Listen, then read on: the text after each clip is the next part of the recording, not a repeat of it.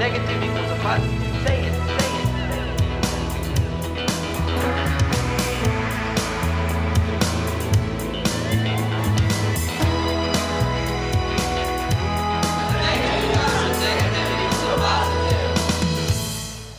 Hej och välkomna till tredje avsnittet av podden Anpassa skolan med mig Jim Svensson och Cissi Augstrand. Hej Cissi. Hej hej. Hej. Vad ska vi prata om idag då Cissi?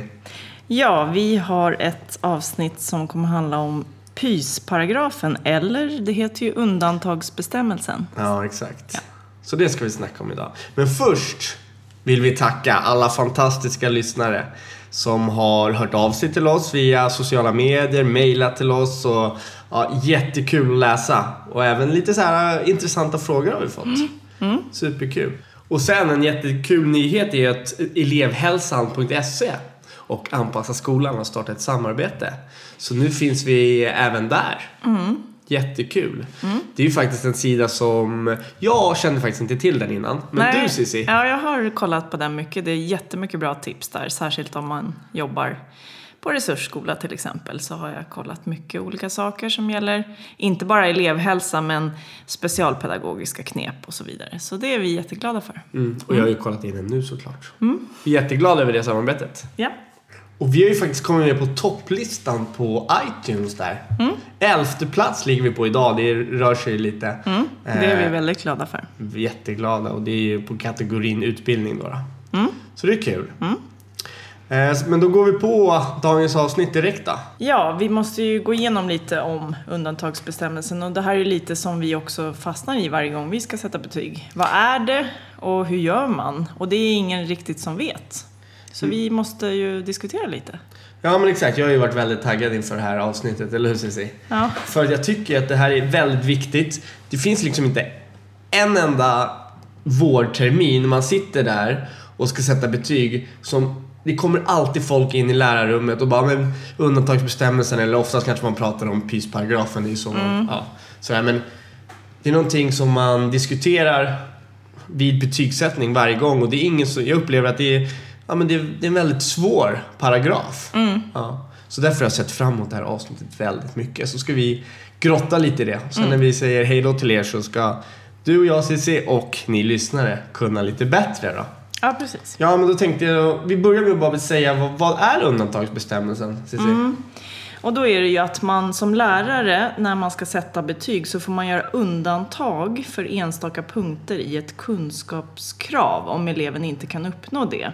För att eleven har en varaktig funktionsnedsättning, så står det i skollagen. Och vad betyder det här? Vi måste ge något exempel på varaktig funktionsnedsättning. Det är alltså någonting som inte går över. Det Precis. kan vara en dyslexidiagnos, det kan vara autism, det kan vara en hörselskada Ja exakt. Synnedsättning och så vidare. Och det som är, oftast blir problemet där, det är ju kanske inte om man har en hörselskada eller en mer fysiskt som, som är mer tydlig. Alltså om fan, vi tar exempel att man, någon sitter i, i rullstol till exempel, ja, men då kanske vissa saker i idrotten som kommer bli svåra. Ja, så då kan man stryka det. Ja. Men det gäller ju faktiskt samma sak för elever ja, inom NPF, alltså Ja. ja. som har autism eller ADHD och sådär. Att, men där blir det lite svårare. Mm. Ja, eh, lite bakgrund då.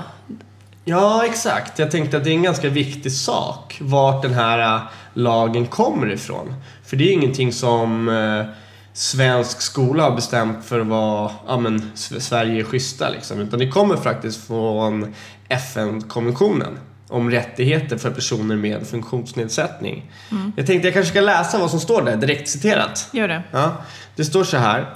Främja, skydda och säkerställa det fulla och lika åtnyttjandet av alla mänskliga rättigheter och grundläggande friheter för alla personer med funktionsnedsättning och att främja respekten eh, för deras inneboende värde. Så det är därifrån den kommer. Precis. Och i Sverige så har man använt den här sedan år 2000 har vi kollat upp. Så den har alltså inte funnits hela tiden. Så det är ju egentligen, ja, nu känns det väl gammalt, men ändå är det att väldigt många inte ens känner till den. Precis. Nej men den är fortfarande, ja den har funnits i 18 år nu då, men den är Ja. ju fortfarande ganska ny i skolans värld. Och det är lite det här också som lärare pratar om att den nya läroplanen och alla kunskapskrav, att det är svårare också för elever med funktionsnedsättning. Så det är väl därför lite att man skulle behöva veta mer om undantagsbestämmelsen. Exakt. Nej men en sak som är viktig att tänka på här när vi kommer från konventionen och så, det är ju faktiskt att här, den här lagen är en rättighet för eleverna. Det, är, det, det ska liksom inte på något sätt hindra dem att få ett lägre meritvärde, till exempel att, sökna, sa, att söka en viss gymnasieskola eller högskola. Mm, precis. Så en elev med till exempel dyslexi har, ska ju kunna få A i svenska. Den ska inte bara kunna nöja sig med ett E och därmed... Ja, Så. så det är väldigt viktigt att tänka på. Där utgår jag ifrån när jag använder den här, att det är en rättighet. Precis.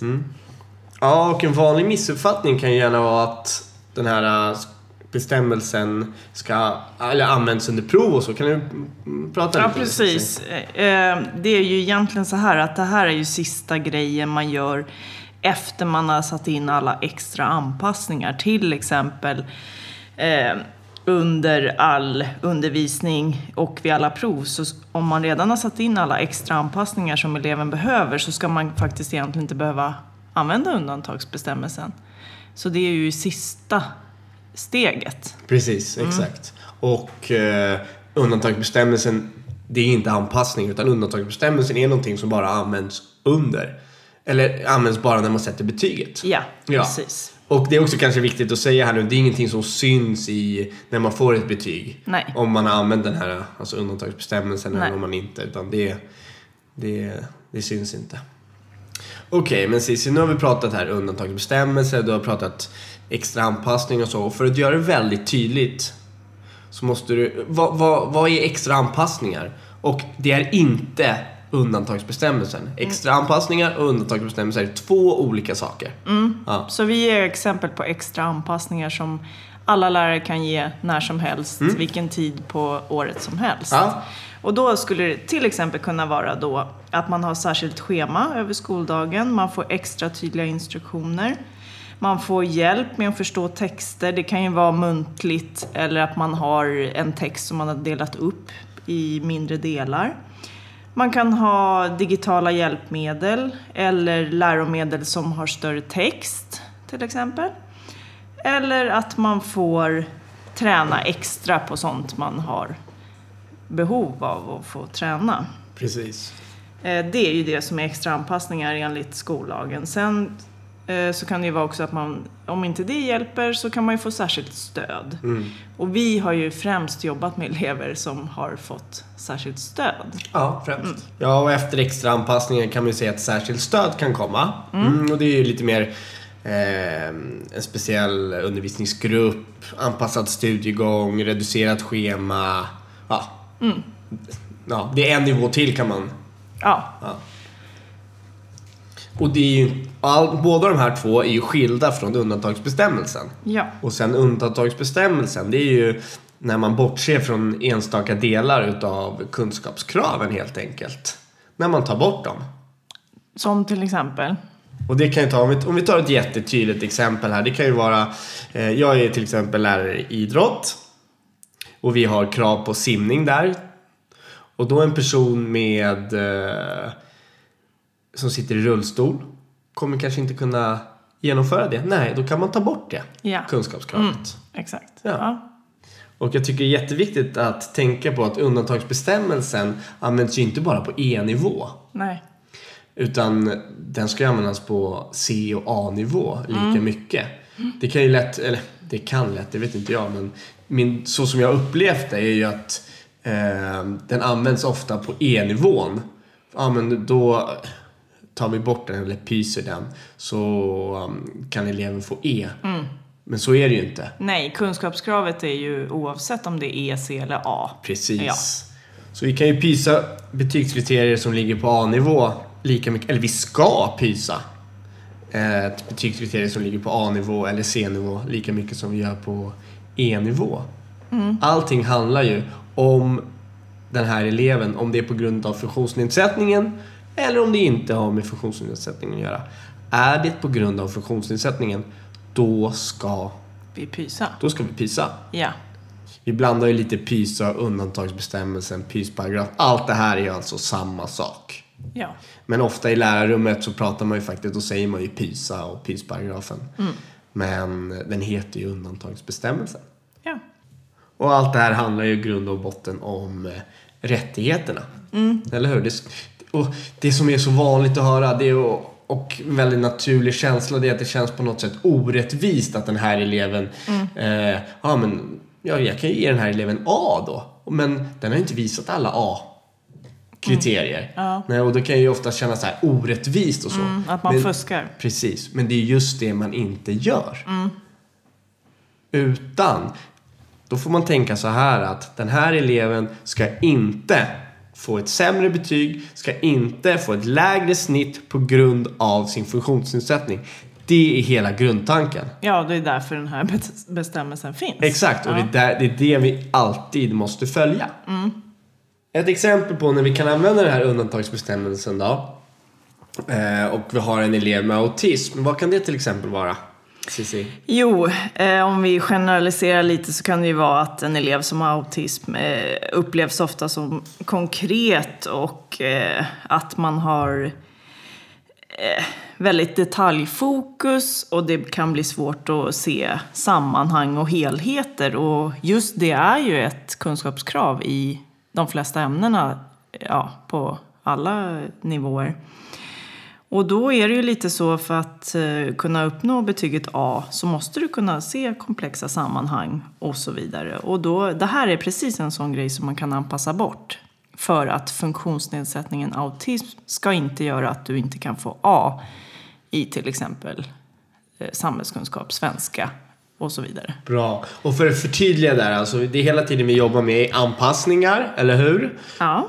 Eh, och har, har vi inte lyckats med de här anpassningarna, de hjälper inte. Eller det särskilda stödet. Eller särskilda stöd vi har gett. Vi jobbar ju hela tiden, vi vill ju inte använda undantagsbestämmelsen utan Nej. eleven ska ju alltid få möjligheten att visa och att möta de här kraven. Ja. Ja.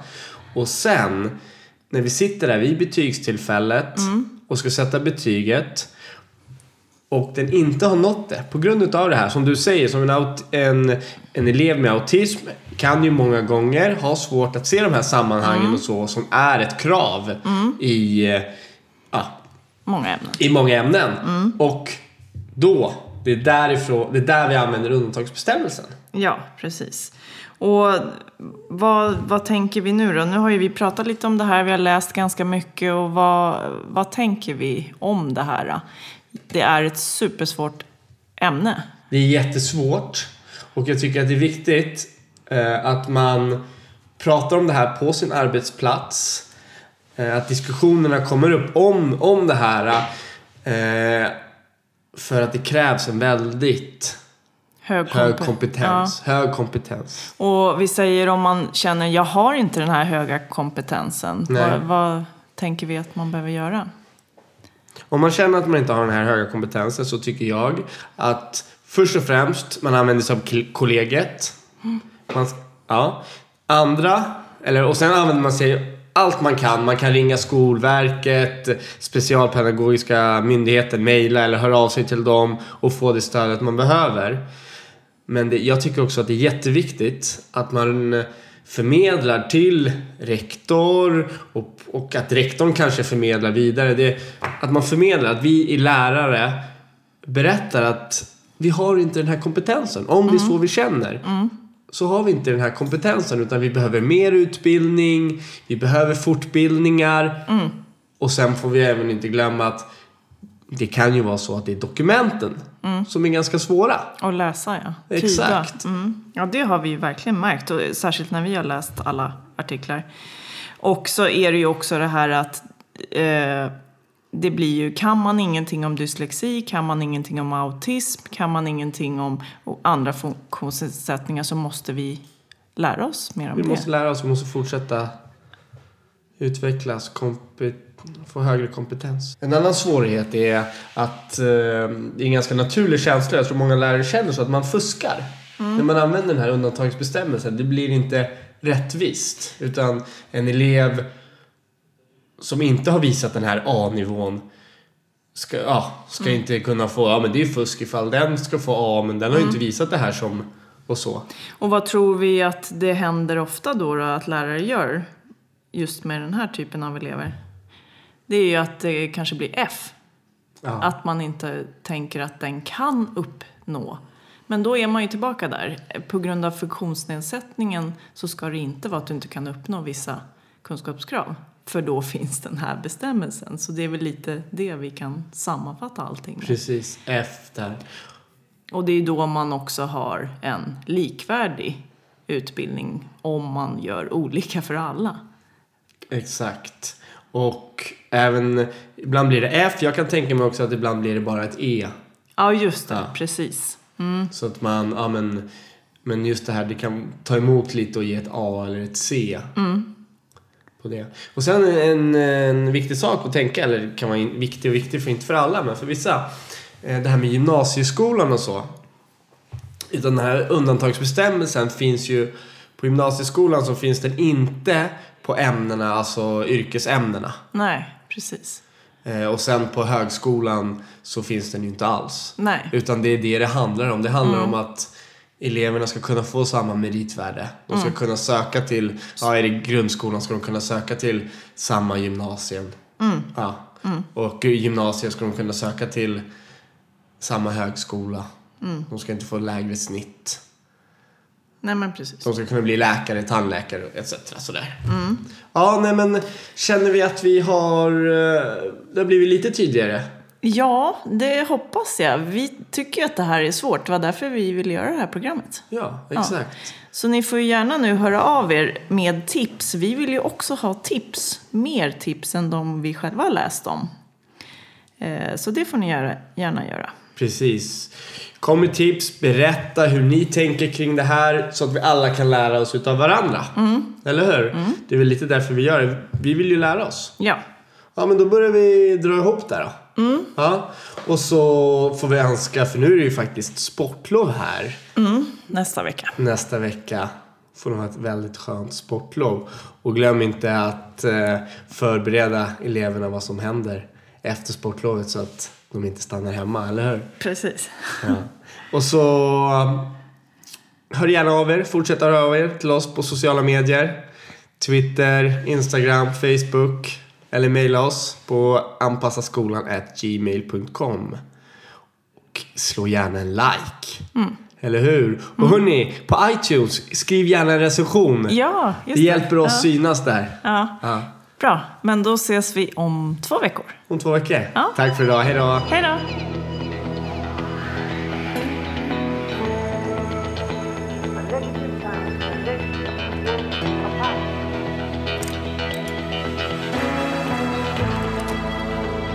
Negative times a negative equals a positive.